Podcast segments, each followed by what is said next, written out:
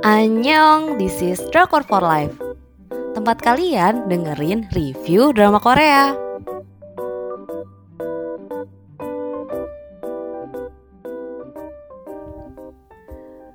Kali ini aku bakal bahas review drama Korea Here's My Plan Atau dengan judul lain God a Call Jadi sebenarnya aku tuh maju mundur, maju mundur mau nonton drama ini iya apa enggak gitu kan? Karena I don't know.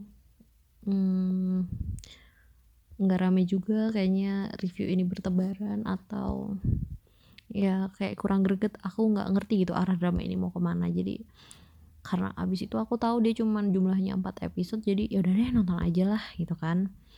Hmm, drama ini disiarkan di MBC tanggal 19 sampai dengan 24 Mei 2021 untuk ratingnya aku kasih 3 jadi selanjutnya aku bakal bacain sinopsisnya ya Lee Soo-hyun hmm, percaya hidupnya berantakan karena ayahnya meninggalkan dia dan ibunya.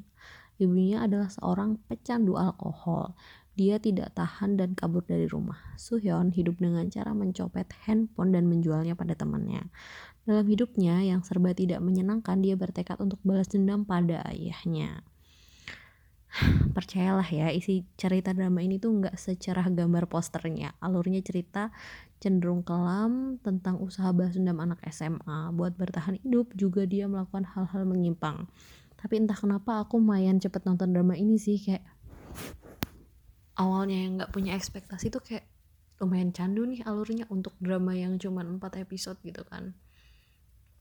Bagus iya gitu tapi nah gitulah nonton aja kalian Terus konflik drama ini adalah seputar usaha Suhyun buat balas dendam. Here's my plan emang nyeritain plannya si Suhyun atas hidupnya untuk balas dendam ke ayahnya. Tapi ya rencana dia selalu berubah-ubah tergantung kondisinya. Scene-scene kenekatan Suhyun bikin seru sekaligus tegang sih. Kayak dia tuh gak mikir panjang kayak aku mau inilah pokoknya buat balas dendam itu Selanjutnya aku bakal bahas penokohan. Yang pertama ada Lee Jae-yong. Hmm, dia adalah sajang nim ayam goreng. Baik hati, suka membantu. Ya pokoknya baik hati banget lah. Berhati hangat, nggak ada jahat-jahatnya juga mukanya. Kayak nggak pantas gitu kalau dia melantarkan, menelantarkan mantan istri dan anaknya. Jadi siapa dia? Nah, si Lee Jae-yong ini tuh adalah seseorang yang disinyalir adalah ayahnya Suhyun bingung gak tuh Terus ada Lee Soo-hyun, dia membenci takdir hidupnya. Yang dia tahu ibunya adalah seorang pecandu alkohol dan tidak memerdulikannya. Ibunya selalu tidak menjawab ketika Soo-hyun menanyakan di mana ayahnya. Dia memutuskan untuk tidak melanjutkan sekolah dan mencari ayahnya. Kenapa uh, ini merasa ayahnya harus bertanggung jawab atas nasib buruk yang selalu menimpanya? Dengan cara apa dia melakukannya? Dia balas dendam. Terus Jo Yun Ho, dia bekerja sebagai pengantar ayam di tempat Tuan Lee. Dia cuma hidup sama neneknya. Nah, orang tuanya sudah meninggal semua. Sayangnya neneknya punya penyakit Alzheimer. Jadi dia harus bertanggung jawab atas neneknya. Undian kehidupan emang gak pernah ada yang tahu. Di awal scene si Yun Ho emang dingin banget ke tapi ntar bakal ngerasain hangat hatinya dia.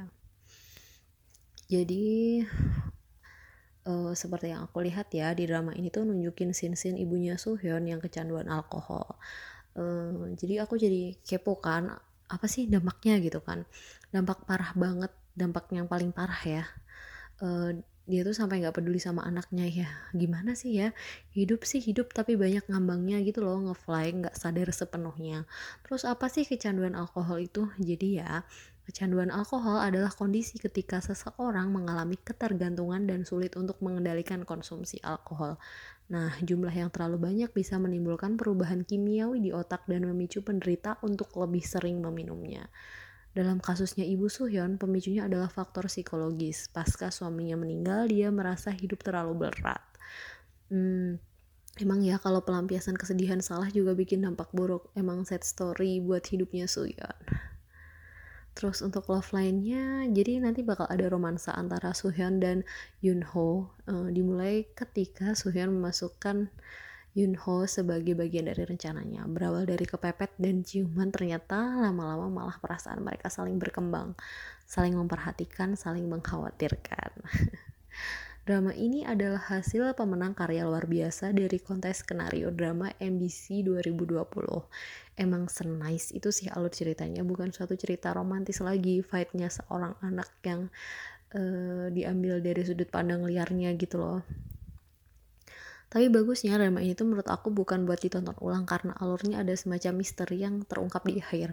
Meskipun chaos sana sini, akhirnya Sohyun bisa menjalani kehidupannya dengan bahagia dan berdamai dengan dirinya sendiri. Um, aku bakal bacain spoiler, jadi buat kalian yang gak suka spoiler, kalian bisa mulai skip di sini. Terima kasih buat udah mendengarkan. Jadi yang mau denger spoiler, kita lanjutin.